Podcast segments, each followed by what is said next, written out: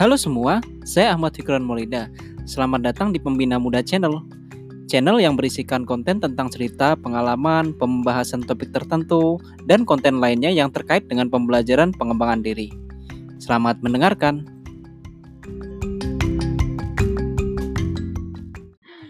Kak Dita Cahya, gimana kabarnya Kak? Alhamdulillah baik.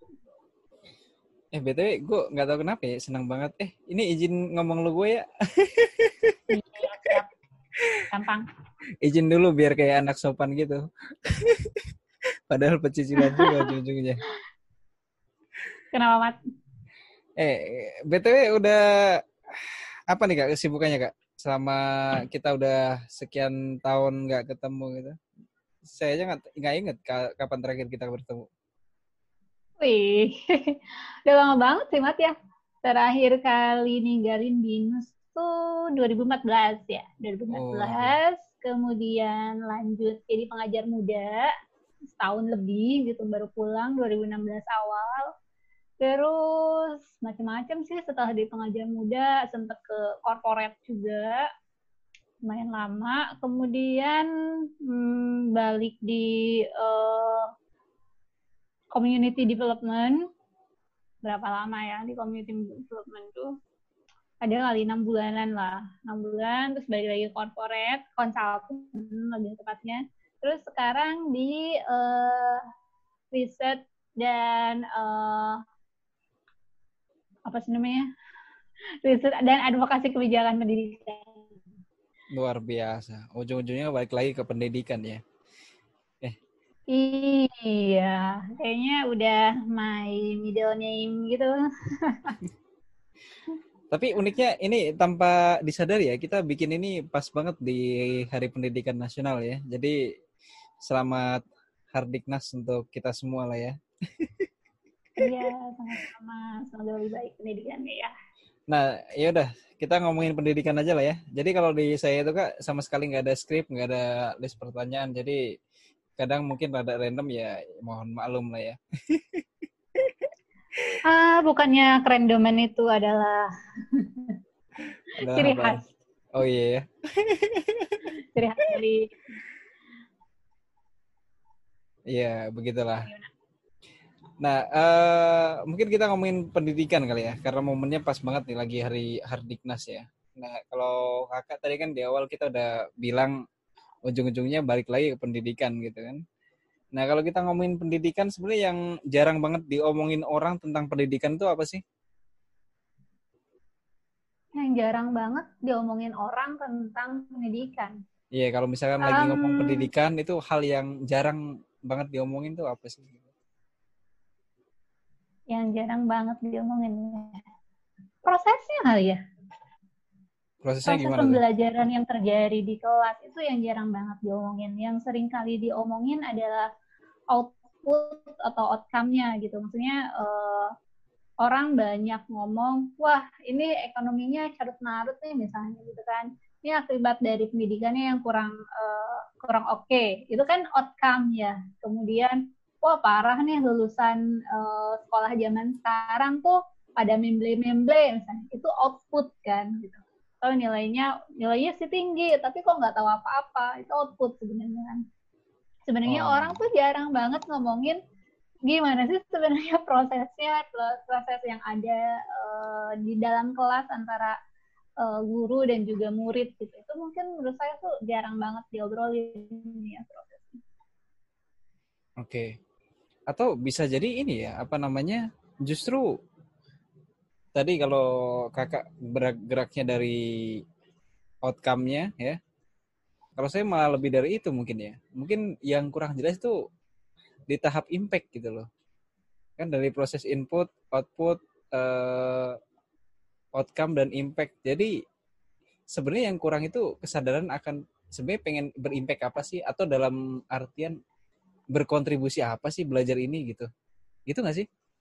Jadi nggak nggak tahu sebenarnya dia mau berkontribusi apa karena kalau kemarin misalkan saya ngobrol sama men, salah satu mentor gitu yang jadi masalah sebenarnya belajar itu adalah salah satu uh, bagian atau proses ketika lo mau berkontribusi gitu.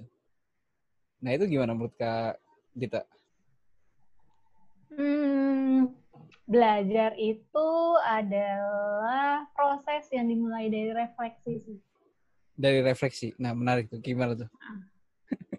Jadi uh, refleksi itu um, ya itu tadi kan sebelum ngomong jauh ke apa sih yang mau dihasilkan atau yang di, mau diimpactkan dari uh, hasil belajar itu kita kan awalnya pasti ada proses refleksi dulu kan jadi misalnya gini uh, proses refleksi itu, itu biasanya dimulai dari uh, kayak penghayatan masa lalu, pengalaman, penghayatan dari sekitar,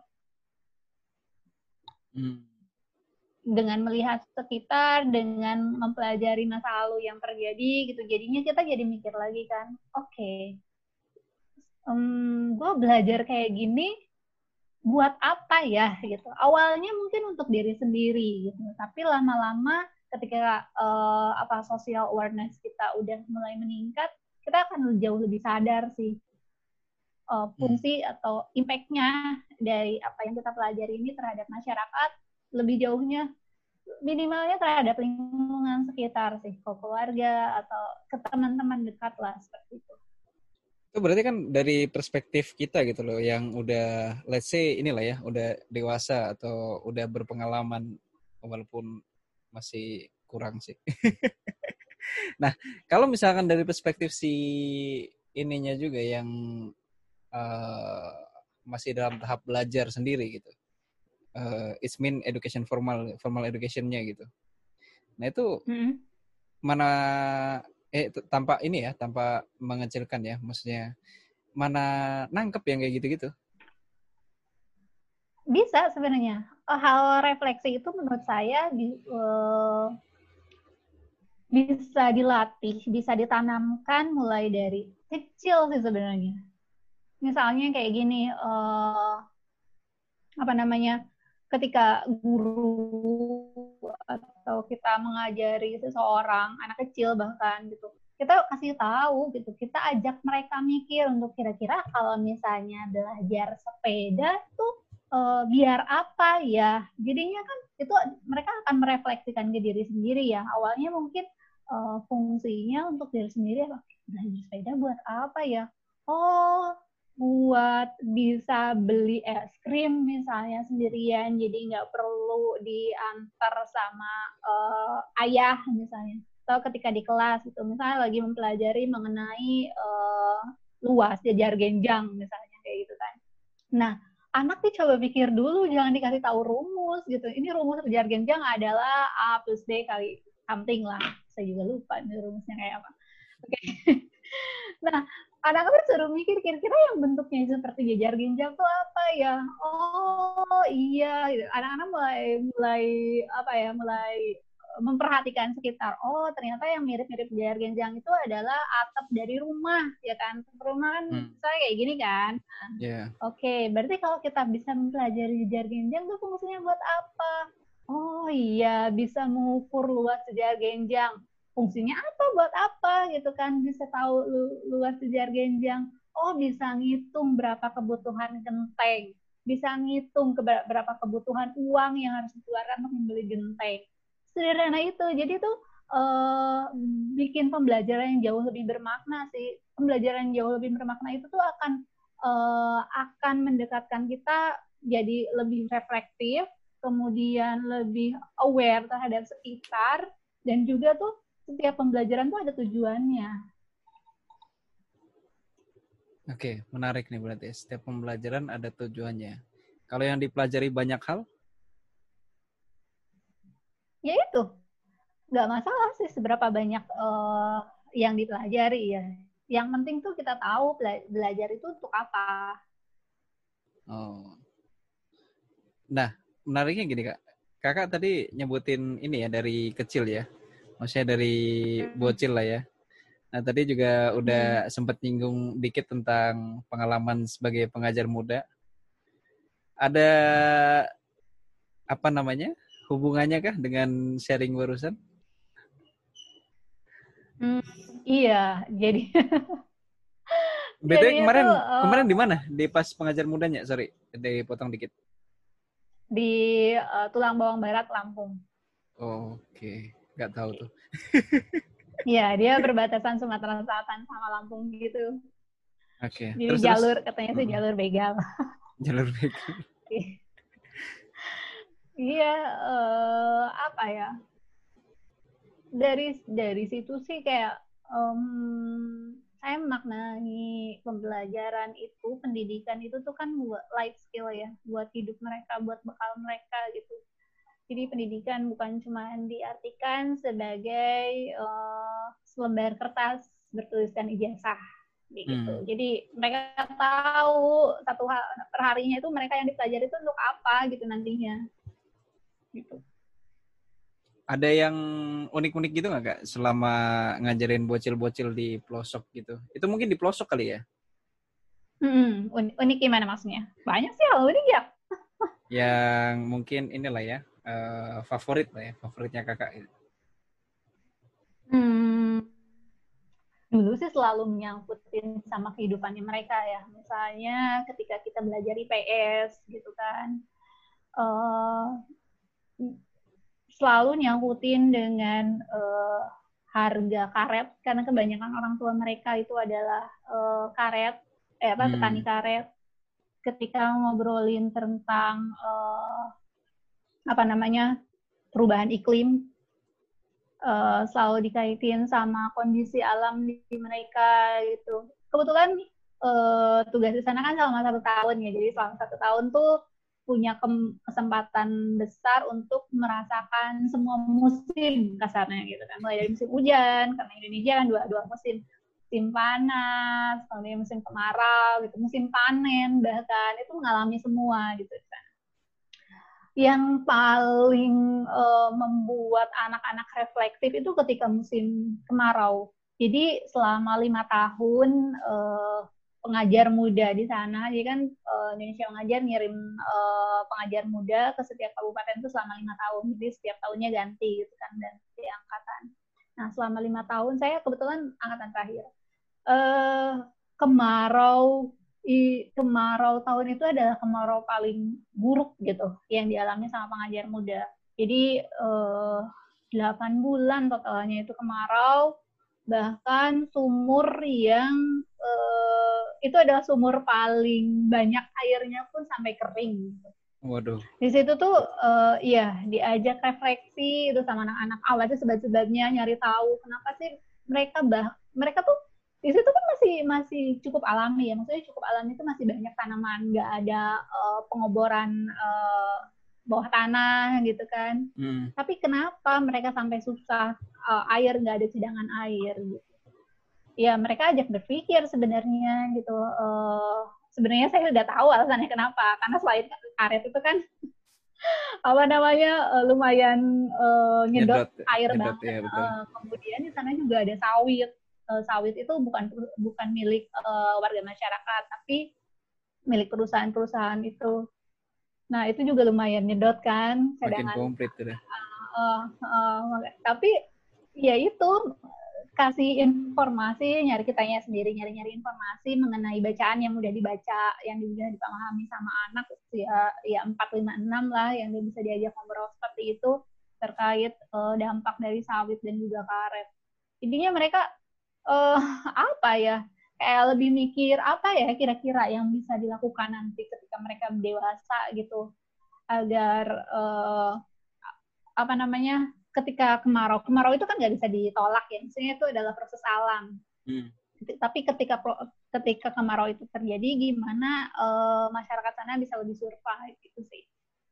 Banyak insight-insight yang menarik dari mereka gitu. Ternyata eh, kayak gitu.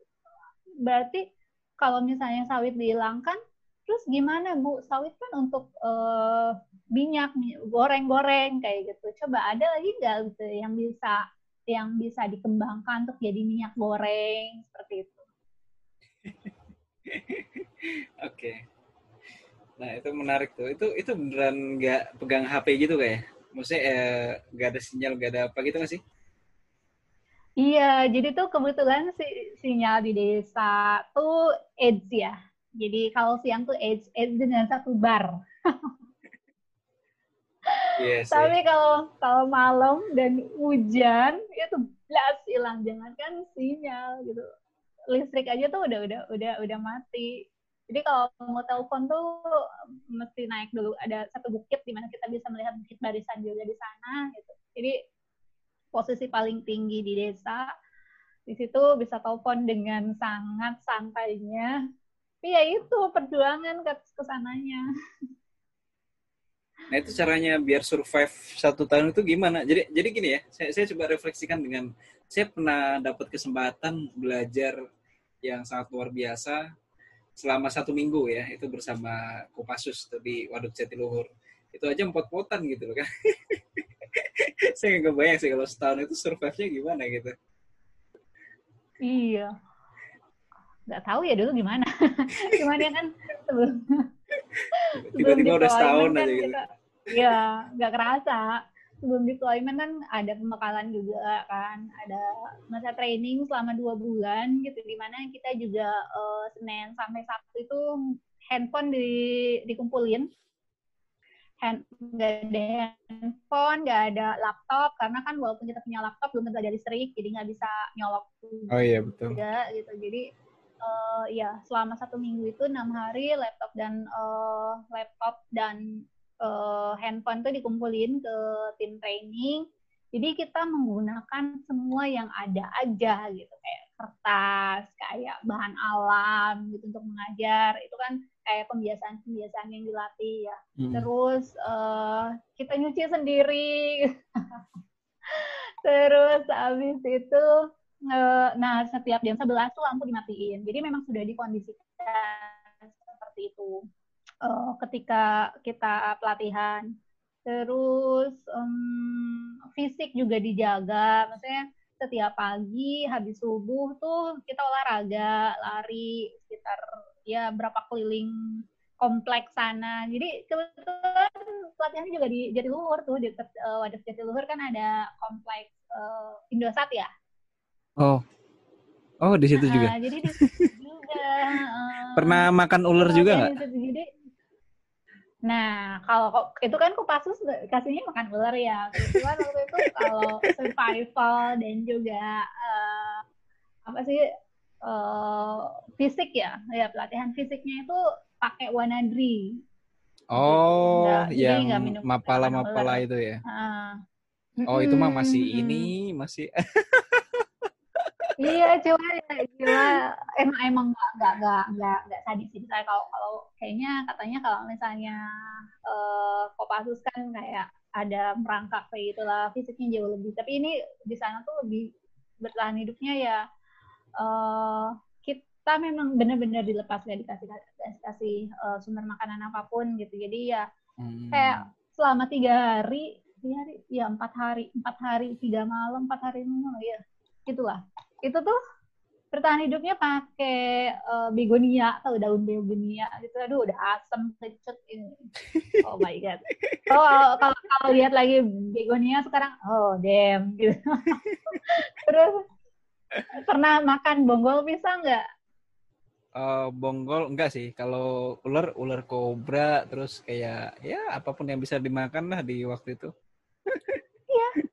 ah, jadi emang ya waktu itu kita nggak nemu nggak nemu uh, hewan ya kecuali belalang pun nggak ada soalnya musim hujan. Oh iya iya iya iya itu petirnya uh, pasti gede banget di situ kan? Iya, ih pokoknya udah nggak nyangka juga masih bisa hidup gitu ya.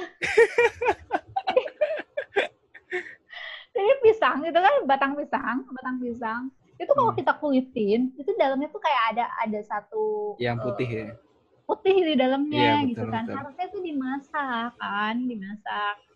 Ini karena jangankan buat masak, api aja nggak bisa nyala. Kita mungkin kayaknya butuh latihan gimana cara menyalakan api dalam kondisi basah deh itu itu nggak bisa. Jadi dalam 52 orang tuh berapa orang yang bisa apa nyalain api kalau nggak salah kita sama sama sekali ya udahlah dimakan aja langsung. Jadi si bonggol pisang dicampur jadi kita cuma dikasih garam campur garam udah. Itu rasanya kayak buah pir kasih garam deh kayaknya.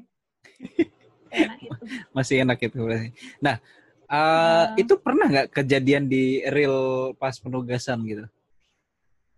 Oh, kalau sampai makan bogol pisang sih enggak ya ya, ya yang sejenis itulah sejenis dalam tanda okay. kutip ya penderitaan iya, itu. itulah iya jadi uh, desa desa penempatan itu tuh uh, jadi di sana tuh desanya tuh jauh sama desa yang lain terus perbatasan perbatasan sama Sumatera Selatan dan juga uh, oke okay, unstable ya. Halo? Yep uh, sempat hilang nggak tadi unstable? Uh. dikit dikit. Oke. Okay.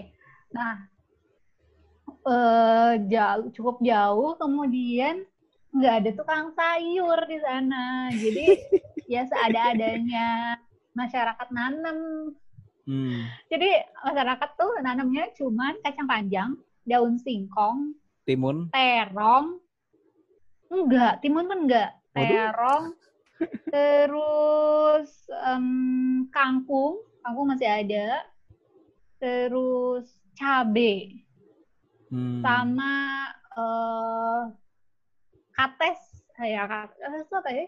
Paya ya, Iya, iya, iya, paya, paya.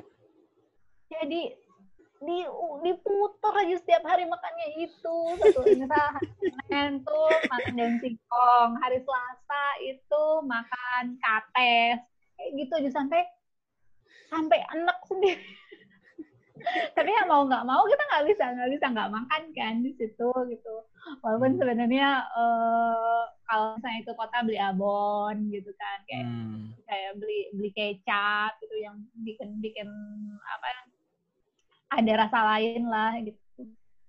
Tapi yang paling parah itu adalah ketika ya tadi ketika kemarau peceklik hmm, cadangan beras padi di desa punya ibu tuh habis. Jadi mau nggak mau makannya pakai tiwul. Ya, nasi tiwul tuh. Ya, itu adalah pengalaman pertama untuk makan nasi tiwul. Ternyata rasanya seperti itu. melihat nah. proses membuatnya aja hmm, oke okay, itu itu kayak dijemur dulu sampai yeah. sampai jamur gitu terus sampai kering kayak... sampai busuk ke ke hujanan kepanasan nah itu ya Allah itu nasi tiwul tapi mau nggak mau harus dimakan tapi Kok? amazingnya Hah? itu nasi tiwul bisa menaikkan berat badan 3 kilo. Buset. Ini saya relate banget karena saya dulu anak kampung banget soalnya. Gitu. Nah. Itu bisa menaikkan berat badan 3 kilo. Nah mungkin saya coba relate ya yang tadi yang kakak sempat singgung di awal juga termasuk yang uh, masalah output tadi ya. Anak sekarang hmm. lembek-lembek lah. Itu sebenarnya ada hubungannya dengan experience yang mereka nggak sih? Kayak experience dalam tanda kutip uh, hidup susah dulunya gitu mungkin? Atau berjuang hmm. di, di dalamnya gitu Uh, I don't think. um, apa ya? Uh, setiap generasi itu pasti beda unik ya. Maksudnya. Iya. Yeah, uh, Oke. Okay. Kalau misalnya sekarang sebut lembek-lembek itu karena nggak ada tantangan, hmm. ya mungkin kalau misalnya tantangan personalnya ya alhamdulillahnya mereka hidup. Jadi kayak gini deh kalau generasi baby boomers kan dia lahir dia tumbuh ketika zaman perang. Zaman sangat sangat krisis ya kan? Hmm. uh, ada pilihan gitu. Maksudnya uh, ya dia tuh hidup untuk bertahan. Kemudian uh, generasi berikutnya anak-anaknya generasi X misalnya kayak gitu. Dia besar dalam kondisi orang tuanya itu struggle juga gitu. Jadinya dia juga masih masih masih apa masih struggle. Tapi mereka berjuang untuk uh, lebih apa ya hidupnya tuh jauh lebih keras kan. Maksudnya uh, kerja sampai sampai pokoknya yang namanya kehidupan yang ideal adalah kehidupan yang mungkin punya penghasilan tetap seperti itu. Nah, kita anak-anaknya nih generasi Y, uh, millennials, uh, kita bercermin kita cenderung cukup ini, cukup apa namanya, cukup uh, bercukupan lah karena orang tuanya generasi X-nya kan kayak mati-matian uh, memberikan kehidupan yang jauh lebih baik dari yang dia dapatkan gitu kan. Hmm. Nah, mungkin caranya untuk memberikan uh, tantangan tuh bukan lagi kehidupan yang susah sih, tapi lebih ke pembelajaran yang menantang mungkin gitu. Pembelajaran bukan mungkin uh, lembeknya itu bukan lagi di ditempa sama kehidupan-kehidupan susah, tapi bagaimana kan nggak mungkin ya kita kita mengkondisikan uh, anak-anak yang mungkin sekarang, redaksi susah kita. itu diganti berjuang gitu kali ya iya mungkin berjuangnya dengan hal lain. Misalnya uh, ketika eh, jadinya tuh uh, gue jadi, jadi refleksi juga gitu kan waktu itu. Uh, udah nggak zaman lagi. Misalnya anak-anak sekarang tuh kayak dikasih materi kayak hafalan kayak yang kita dapat kayak ngafalin nama-nama menteri sampai hafal gitu kan sampai botak kemudian ngafalin nama-nama negara. Sekarang tuh udah tinggal Google semua tapi challenge-nya adalah mereka berjuang adalah gimana caranya kayak mengintegrasikan semua pengetahuan yang bisa mereka dapat di internet tuh menjadi suatu karya. Mungkin itu itu bisa jadi challenge buat mereka gitu. Bisa jadi tantangan buat mereka bukan lagi menempatkan mereka ke kehidupan yang kayak susah yang semuanya harus diperjuangkan uh, hmm. untuk dapat buku aja harus berjuang bukan seperti itu lagi mungkin saatnya sekarang. Iya, balik lagi ke relevansi tadi ya. Mm -mm. Hmm. Jadi sekarang tuh kayaknya udah nggak zaman deh gitu kan kalau guru tuh kayak iya. menerangkan anak-anak uh, apa namanya negara di ASEAN ada 10 udah nggak zaman deh kayaknya. Saya tuh paling inget disuruh ngapalin nama-nama ini bendera tau nggak? Itu masih nah, bingung saya. buta. Tujuannya buat apa? Oke, okay. nah uh, tadi kan kakak juga sekarang di ini kan penelitian tentang uh, pendidikan dan juga entah itu kebijakan maupun pendidikan itu sendiri kan ya. Ada yang menarik nggak kak yang mungkin ditemukan fenomena atau uh, problem dari pendidikan itu sendiri yang saat ini mungkin going ongoing projectnya atau soon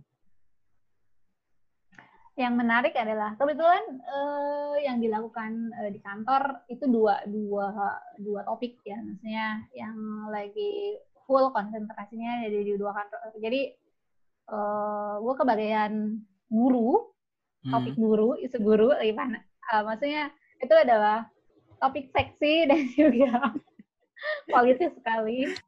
Tapi kunci gitu kan kayak ujung tombaknya pendidikan ada di guru Setuju. Yang kedua itu pendidikan anak usia dini. Itu kayak foundationnya kan untuk hmm. anak. Jadi kayak uh, dikenal dengan sebutan periode emas, uh, masa-masa emas itu ada di usia dini kan. Dua topik itu yang yang yang sedang dikerjakan. Kalau eh, dari dari guru, jadi mindset guru kita itu ini tuh masih sangat tertinggal.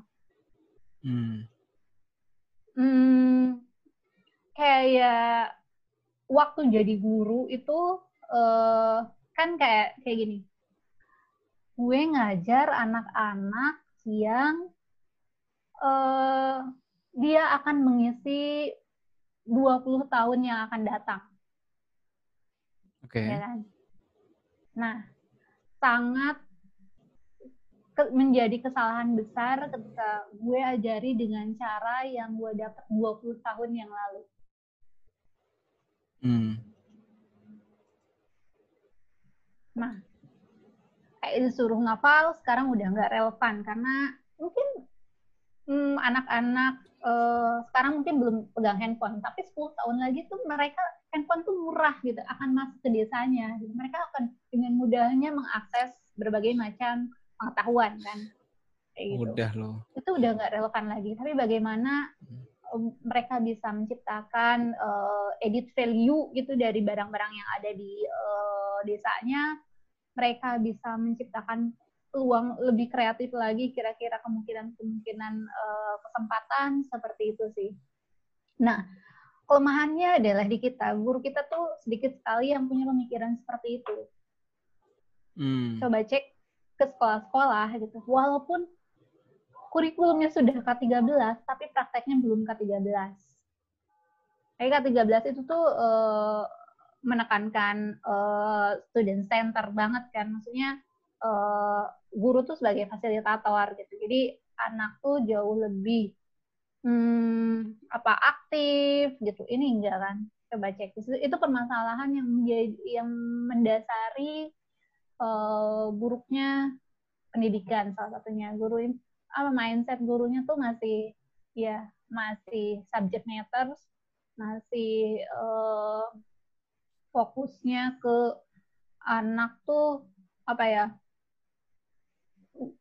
ngafalin dua kali tiga lima kali tapi nggak nggak dikasih tahu gimana caranya dua kali tiga tuh dari mana. Alternatifnya banyak sekali gitu. Kemudian anak masih di dijejelin hafalan negara-negara di ASEAN tapi kira-kira apa peluang-peluang uh, kolaborasi dari negara-negara ASEAN itu berdasarkan potensi-potensi di setiap negara misalnya seperti itu itu udah itu, itu sih hal yang hal yang uh, mindsetnya ya kita tuh mengajari anak-anak yang akan mengisi di masa depan dengan cara lama. Kemudian hmm. berdasarkan insight dari uh, yang dikerjakan di PAUD di pendidikan anak usia dini itu um, uh, ini sih entah keambian para orang tua atau gimana ya. Jadi uh, schoolification di PAUD itu tinggi sekali. Di PAUD, PAUD itu kan sebenarnya uh, buat menstimulasi perkembangan anak yang mulai dari kognitif, yeah. kemudian uh, emosional, uh, kemudian apalagi ya fisik, motorik seperti itu. Hmm. Uh, bagi anak PAUD kan bermain itu nggak pernah main-main gitu.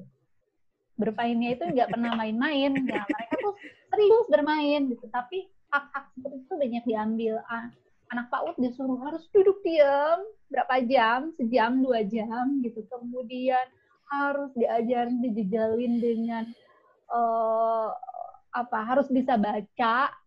Diajarin hmm. baca itu dengan cara lama kita belajar baca. A B B A ba ba itu sudah tidak relevan untuk anak PAUD untuk anak PAUD cara mengajarkan anak PAUD baca tuh adalah dengan meningkat menumbuhkan minat bacanya. Kesenangan aja dulu terhadap buku, dibacain dengan ekspresi, bukan dia yang membaca seperti itu. Itu Arti, fatal menurut saya. Iya, artinya ada juga faktor untuk kita empower si uh, bukan sih ya, maksudnya beliau-beliau yang mengemban amanah sebagai guru dong ya. Iya, perlu banget sih maksudnya ternyata setelah dikulik juga kan kenapa guru uh, sebagian sebagian besar sih guru PAUD mengerti ya. Maksudnya oh, iya sih ini salah kata gitu. Jadi waktu itu sempat riset juga di uh, eh, NTB dan juga di DKI Jakarta. Uh, kebanyakan memang menyadari bahwa oh iya ini salah sebenarnya. Tapi ya gimana tuntutan orang tuanya juga. Jadi orang tua melihat kalau misalnya anaknya diajarin nyuci nyuci baju pakai sabun itu nggak belajar itu malah main-main katanya seperti itu jadinya ya karena tuntutan orang tua juga padahal kan da da dari mencuci uh, apa mencuci baju tuh anak juga bisa um, misalnya uh, gerak gitu kan untuk uh, untuk apa ya ngasah motorik kasarnya dia seperti itu sih. Mm. Kemudian uh, proses uh, perubahan misalnya dari cair menjadi uh, gas gitu kayak kayak menguap itu kan ketika si baju itu di dijemur di kondisi yang panas itu kan yeah. sebenarnya bisa dilihat dari mata pakai mata telanjang ada uap air yang um, nyembul gitu kan hmm. itu bisa dipelajari saintifiknya seperti itu sih Oke. Nah, menariknya eh, apa namanya? Ini mungkin salah satu mindset ya yang saya pegang gitu loh. Karena saat ini kan hmm. masih berkutat di higher education kan. Hmm. Saya sendiri sekarang kan punya adik ya, punya adik dua gitu ya. Yang pertama hmm. dia udah usia 18, yang satu baru 7 tahun gitu. Nah yang 18 ini kan kemarin mau ujian nasional kan. Saya bilang, udah nggak usah Hmm. pusing-pusing, kamu nggak lulus pun nggak apa-apa. Terus itu itu true story gitu. Saya bilang gitu ke hmm. ibu maupun ke orang yang langsung udah nggak usah dipikirin, nggak penting. Dan ternyata pas akhirnya UN nggak ada. Bisa kebetulan banget. Nah, eh, bukan masalah UN ya, tapi masalah standarisasinya.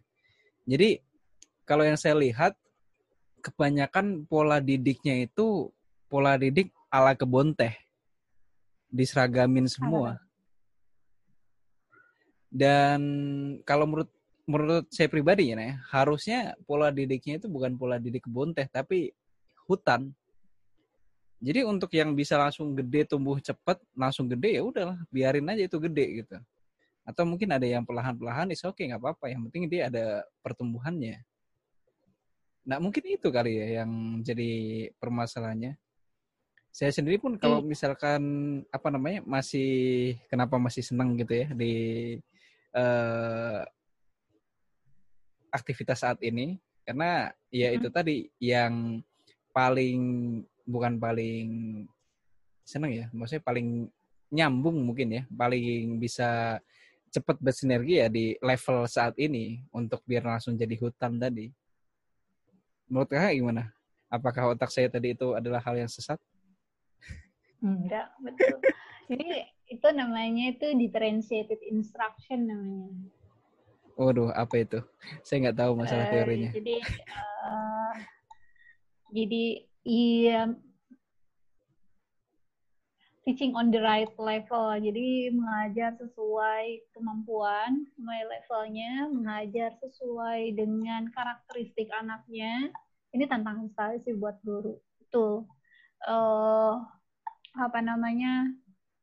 Uh, penyeragaman itu memang tidak uh, tidak betul gitu untuk di uh, ranah pendidikan gitu kan karena potensi setiap anak itu berbeda gitu. Cuman memang ada hal-hal yang perlu dikontrol sama negara. Itu adalah uh, kemampuan basic, kemampuan dasar. Itu alasan kenapa Mas Menteri menghapus ujian nasional karena ujian nasional itu hanya mengukur konten, hanya mengukur hafalan aja gitu kan. Dan tidak mencerminkan kualitas pendidikan juga di sana gitu ujian nasional itu. Tapi nanti kan e, berikutnya akan diganti dengan namanya mm, asesmen kompetensi uji minimal. Nah, jadi jadi misalnya minimalnya untuk kelas 6 SD itu bisa memahami bacaan seberapa panjang misalnya gitu. Bisa menguasai uh, operasi matematika sederhana. Jadi bukan lagi uh, matematika sederhana itu kayak apa ya? Uh, anak tahu konsep membagi, gitu kan yang paling penting itu sebenarnya matematika tuh bisa nambah, bisa ngurang, bisa bagi, bisa ngali. Udah kan? Iya. yeah. Itu konsepnya sebenarnya. Seperti itu sih. In general gitu, betul. Mm-mm, mm-mm. Bukan lagi kayak menguji semua, kayak di UN sekarang kan menguji semua uh, pelajaran, bahkan sebenarnya proporsinya juga uh, dipertanyakan apakah memang uh, cukup representatifkah atau enggak gitu kan soal-soalnya. Gitu. Hmm. Jadi memang perlu ada untuk mengontrol uh, outcome minimalnya berapa itu makanya pakai asesmen kompetensi bukan lagi uh, subjek subjek uh, based on subjek gitu berdasarkan matematika bahasa Indonesia pelajaran bukan lagi itu pelajaran. Atau ini mungkin uh, baru kepikiran juga ya. Uh, apakah formal education in the future still relevan? Hmm? Formal education? Akan tetap relevan gitu untuk 10 atau 20 tahun lagi? Apa yang relevan? Harus ada bertingkat dari dasar, menengah, atas, tinggi gitu. Sekian tahun hmm. gitu.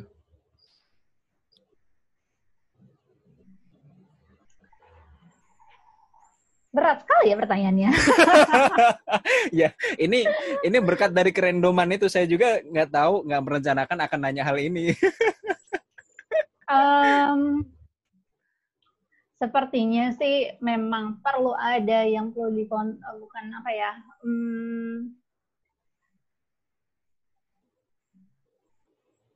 uh, ini masalah statistik sih, masalah normal, distribusi normal manusia misalnya bisa menyelesaikan ini dalam kurun waktu berapa lama. Itu masih terus masih masih perlu sih gitu karena kita juga kalau dalam kurun waktu 10 tahun kayaknya belum siap juga gitu. Tapi hmm. memberikan kesempatan juga untuk akselerasi anak-anak yang memang spesial gitu, anak-anak yang memang berkebutuhan khusus seperti itu sih.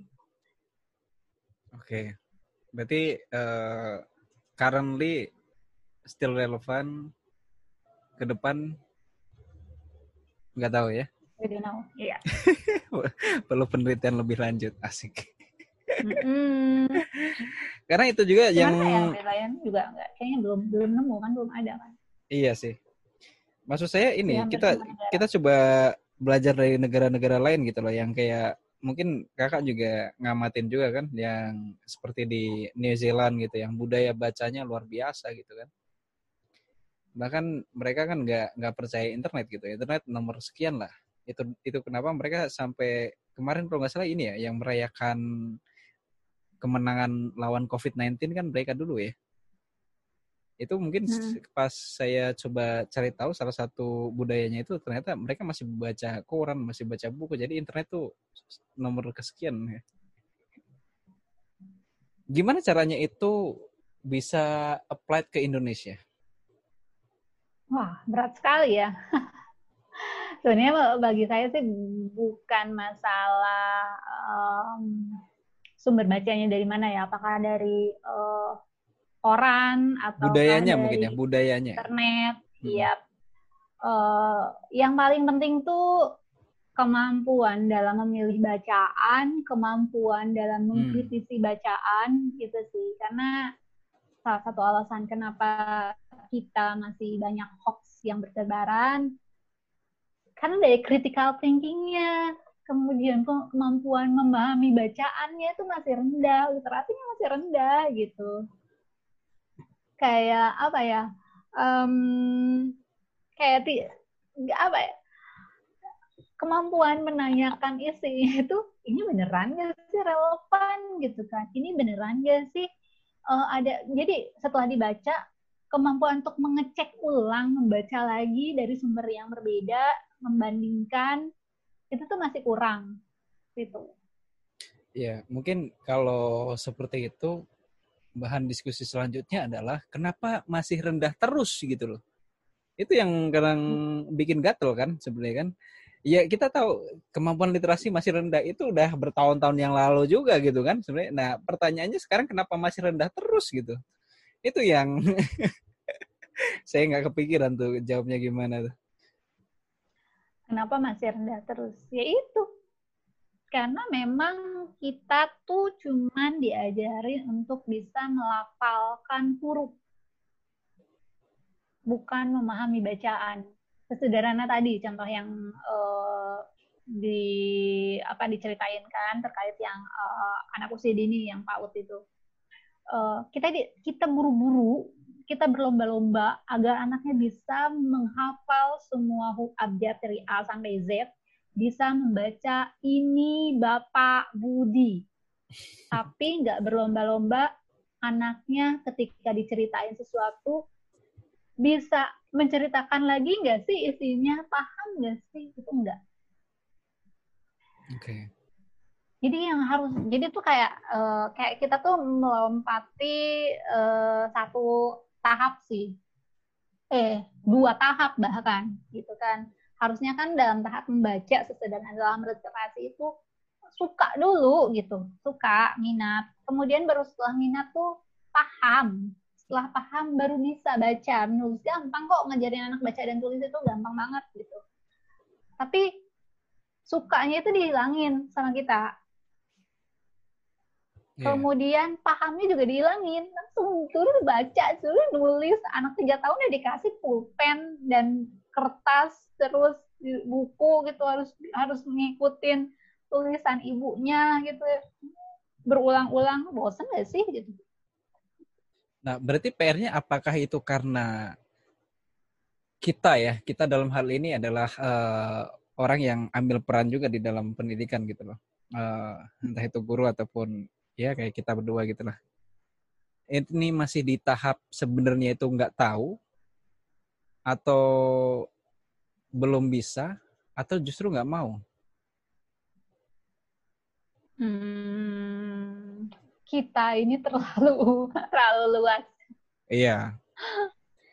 terlalu uh, luas.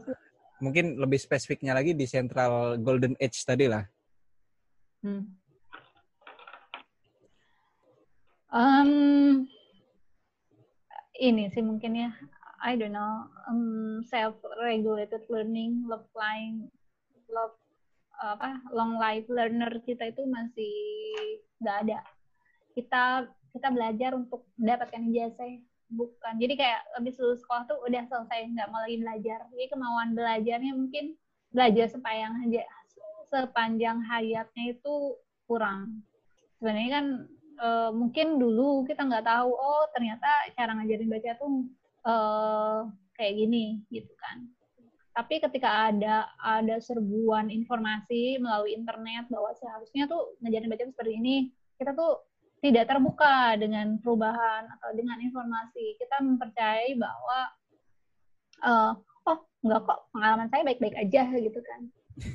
Padahal enggak merefleksikan bahwa kondisi anak sekarang tuh beda. Kalau kita dulu waktu kecil nggak ada distraksi gitu bisa fokus gitu. Sementara yang sekarang tuh banyak sekali distraksinya. Anak anak satu tahun aja udah belum belum satu tahun. Bahkan dalam kandungan dia udah kenal handphone kan, gitu kan, udah kenal digital.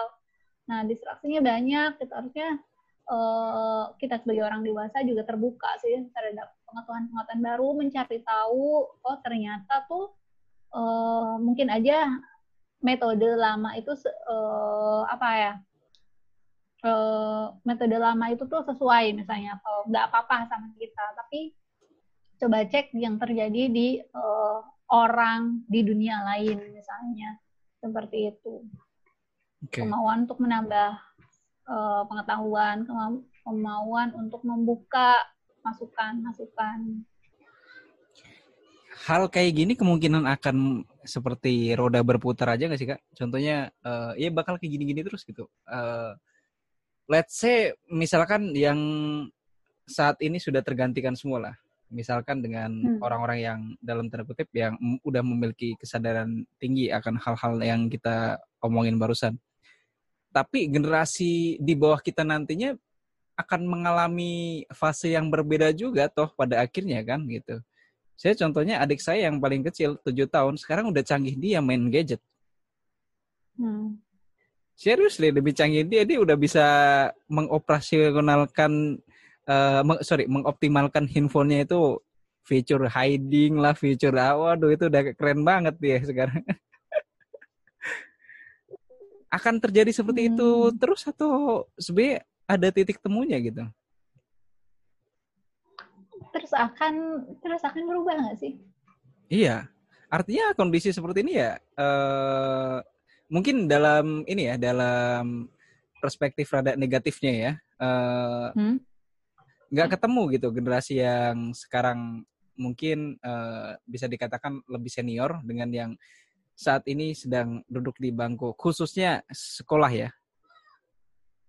Nah itu kan akan terjadi terus gitu let's say misalkan yang seumuran sama saya semua ini udah mendominasi jadi guru. Hmm? Hmm. Gimana tadi? Selama masih ada apa? Halo. Ya. Selama masih ada kemauan belajar sih dan keterbukaan terhadap informasi baru, menurut ya bisa-bisa aja berubah ya. Oke, berarti ini adalah problem yang mungkin di solve ya? Iya, yeah, will be solved if we want to learn something new gitu. Berarti bukan seperti circle aja, udah kayak roda aja. Enggak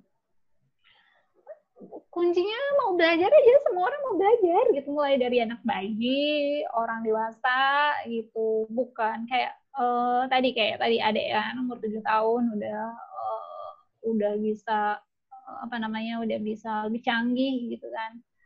Hmm, kayaknya akan susah kalau misalnya kita menjauhkan uh, dia dari uh, digital. Karena ya dia itu sebelum lahir aja udah kenal digital kasarnya. Sementara mereka itu kan natif natif digital, sementara hmm. kita mungkin stranger gitu kan. Nah, yang ada tuh bukan bukan mereka yang kita tarik ke masa lalu, tapi kita yang harus catch up. Berarti yang orang yang lebih dewasa yang jauh lebih banyak belajar sebenarnya. Iya. Yeah. perubahan itu kan nggak ada yang nggak nggak apa ya perubahan itu tuh yang tetapnya cuma perubahan kan. Okay. Akan terus ada perubahan. Mungkin tadi karena nyinggung tentang mau belajar ya berarti ya. Saya nggak, mm -hmm. saya, saya jujur nggak punya jawabannya sendiri atau bahkan uh, punya perspek uh, persepsinya gitu loh. Kenapa ada orang yang nggak mau belajar? Kenapa nggak ada? Karena mungkin mindset kali ya. Mindset merasa cukup.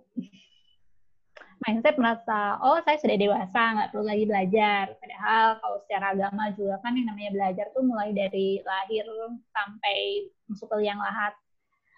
Mindset bahwa saya sudah selesai sekolah jadi makna belajar itu dimaknakan sebagai sekolah, sementara belajar itu tuh beyond gitu. Hmm. Beyond dari sekolah, beyond dari bangunan kelas.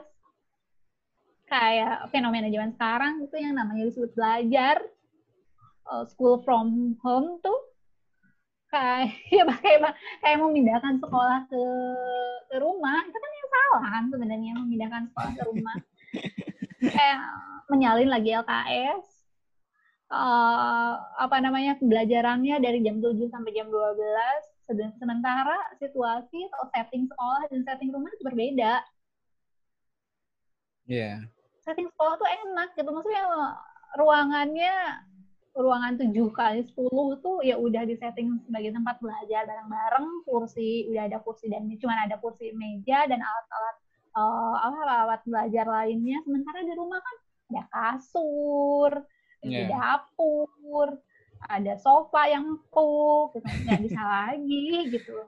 Walaupun trennya justru yang seperti itu udah mulai berkembang nih uh, at least di tempat saya sekarang ataupun di luar negeri pun setting kelas itu udah kayak kafe ada yang di pojok itu kafe ada yang di sebelah kanan itu di setting kayak perpustakaan jadi ini bagus sebenarnya. Jadi apa ya? Salah satu mungkin yang pernah saya baca manfaat dari ini si orang tua jadi punya empati jadi ke guru. Jadi mereka tahu uh, susahnya jadi guru itu sebenarnya seperti apa sih. Jadi itu kenapa uh, mungkin poin saya untuk yang dalam tanda kutip yang kritik pedas banget ke guru-guru itu saya rada kurang setuju juga gitu. Karena itu susah banget sih emang sih. Contohnya gini deh uh, kita ngemong anak kecil gitu ya. Anak kecil even saya sendiri pas masih ngemong adik saya yang paling kecil gitu ya sejam uh, nggak nyampe sejam malahan. Lima menit pertama itu senang banget gitu ya ditinggal dua jam kita udah pengen buang aja tuh anak apalagi anak orang gitu kan ya nggak sih kak Iya, makanya tuh kalau ada yang pengen jadi guru karena suka anak kecil, hah, kayaknya dia belum tahu dia ngajar, ngajarin anak anak orang. Terus justru itu uh, calon ibu idaman asik. Larinya kenapa ke asmara ya? Aduh, random banget. Oke kak, mungkin ada gak sih kak pembelajaran dari karena kita di awal nyinggung tentang hardiknas pembelajaran dari hardiknas ini sendiri itu apa sih sebenarnya sih yang orang banyak gak ngeh ya? kan mungkin sekarang di banyak disalahartikan sebagai seremonial aja gitu. Mm Um, Hardiknas itu kan sebenarnya tanggal lahirnya Ki Hajar Dewantara ya. Betul filosofinya Ki Hajar tuh kalau dibaca bukunya dalam banget. pendidikan itu tuh guru itu menghamba pada anak. Hmm. Bahkan termnya itu seperti itu menghamba pada anak. Uh, kita mengikuti alurnya anak, naluriahnya anak. Cara cara cara ngasih taunya juga bukan bukan anak yang kita paksa ke, uh, ke dunia kita yang yang sudah dewasa ini gitu kan pendidikan itu bukan cuman um, hukuman. Pendidikan itu bukan cuman harus dikerasin, tidak. Pendidikan itu bukan cuman hafalan, tapi pendidikan itu tuh mengasah rasa, karsa, dan karya. Hmm. Dan pendidikan itu juga bukan berarti sekolah, bangunan. Makanya kalau di Ki Hajar kan sebutannya taman siswa ya. Taman, sesuatu yang menyenangkan gitu. Harus menyenangkan itu belajar. Sehingga kemauan untuk belajar juga uh, tidak selesai ketika anak selesai selesai sekolah, lulus dari sekolah. Jadinya walaupun orang itu udah selesai sekolah, dia akan tetap menyenangi belajar karena ya semenyenangkan itu ada di taman gitu. Oke, siap. Mungkin terakhir kali ya, pesan buat uh, para pendengar kira-kira kalaupun mereka mau ambil al, ambil peran gitu atau at least pengen berkontribusi gitu di pendidikan khususnya Indonesia ini baiknya seperti apa mereka berkontribusi? Apakah mereka harus jadi pengajar muda semua kayak tadi? Kayaknya kalau kuota pengajar muda juga sedikit sekali kan. Uh, banyak sekali sih ambil peran di pendidikan gitu kan. Sekarang tuh banyak komunitas komunitas-komunitas pendidikan. Uh, kita bisa bantu misalnya uh, bantu ngajar, ngaj bantu bikin konten-konten bahkan gitu kan, konten-konten yang menarik, yang uh, yang tidak memberatkan dan memusingkan kemudian kita juga bisa um, mengedukasi orang-orang yang ada di sekitar gitu untuk lebih kritis, untuk lebih empati. Uh, ya nggak nggak nggak mesti jadi guru semua. Kalau misalnya mau jadi guru akan jauh lebih bagus gitu. Kayaknya karena kita butuh guru-guru yang oke, okay, guru-guru yang punya empati, bukan cuma guru-guru yang mengharapkan karena jam kerja jadi guru itu dari jam 7 sampai jam 12, bukan kayak gitu aja itu sih banyak hal yang bisa dikontribusikan buat pendidikan. Oke, okay. uh, eh, mungkin ini mohon maaf saya revisi sedikit ya karena tadi nyium komunitas juga itu menarik banget karena saya mungkin anaknya komunitas banget kali ya. hmm. Banyaknya komunitas pendidikan itu bagus atau enggak?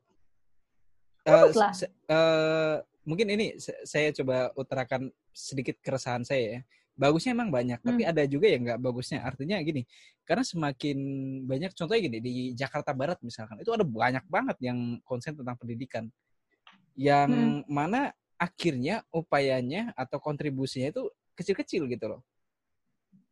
Nggak apa-apa, kan lebih okay. uh, eh, lebih baik menyalakan lilin kan daripada mengutuk kegelapan. apa nggak lebih baik lagi itu jadi satu akhirnya impactnya makin berasa gitu itu jauh lebih baik kenapa enggak kalau misalnya uh, Lomat tahu kalau misalnya banyak sekali komunitas-komunitas pendidikan kenapa dia nggak diajak kolaborasi aja nah that's the point kolaborasi itu sih yang masih kolaborasi. mungkin uh, minim kali ya yang mana itu iya. juga menurut saya sih justru itu sebenarnya ada di ranahnya pemerintah juga ya. Ini mohon maaf nih rada tambah ngeritik lagi. Untuk bisa ngumpulin orang-orang pintar tersebut atau di komunitas-komunitas tersebut do something much better gitu loh. Eh, bigger gitu.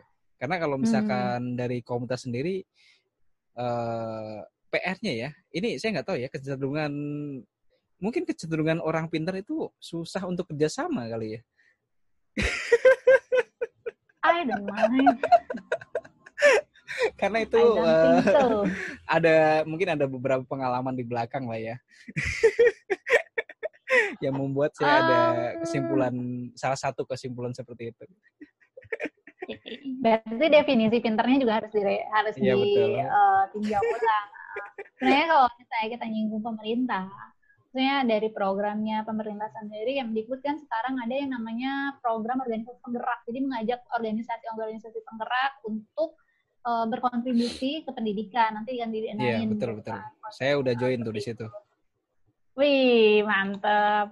Kemudian di, di, di ranahnya komunitas sipil sendiri tuh, jadi uh, kantorku tuh ada mm, namanya semua muda semua guru di situ juga bisa itu ajang kolaborasi antar komunitas sih kalau misalnya mau itu Hmm, banyak sekali sekitar ratusan ya ratusan komunitas ada di sana dari seluruh Indonesia juga dengar seperti itu sih jadi Hmm.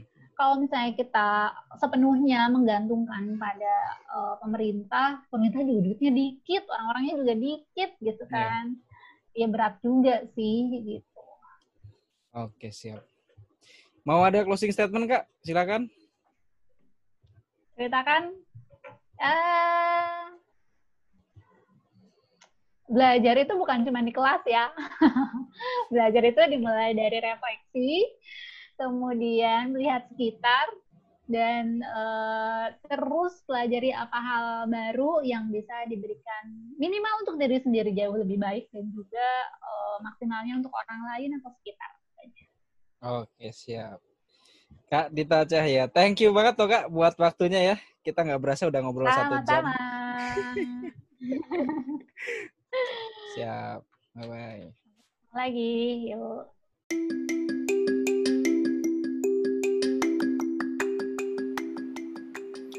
Terima kasih sudah mendengarkan Pemindah Muda Channel. Semoga kontennya bermanfaat. Dan sampai jumpa di episode selanjutnya. Bye-bye.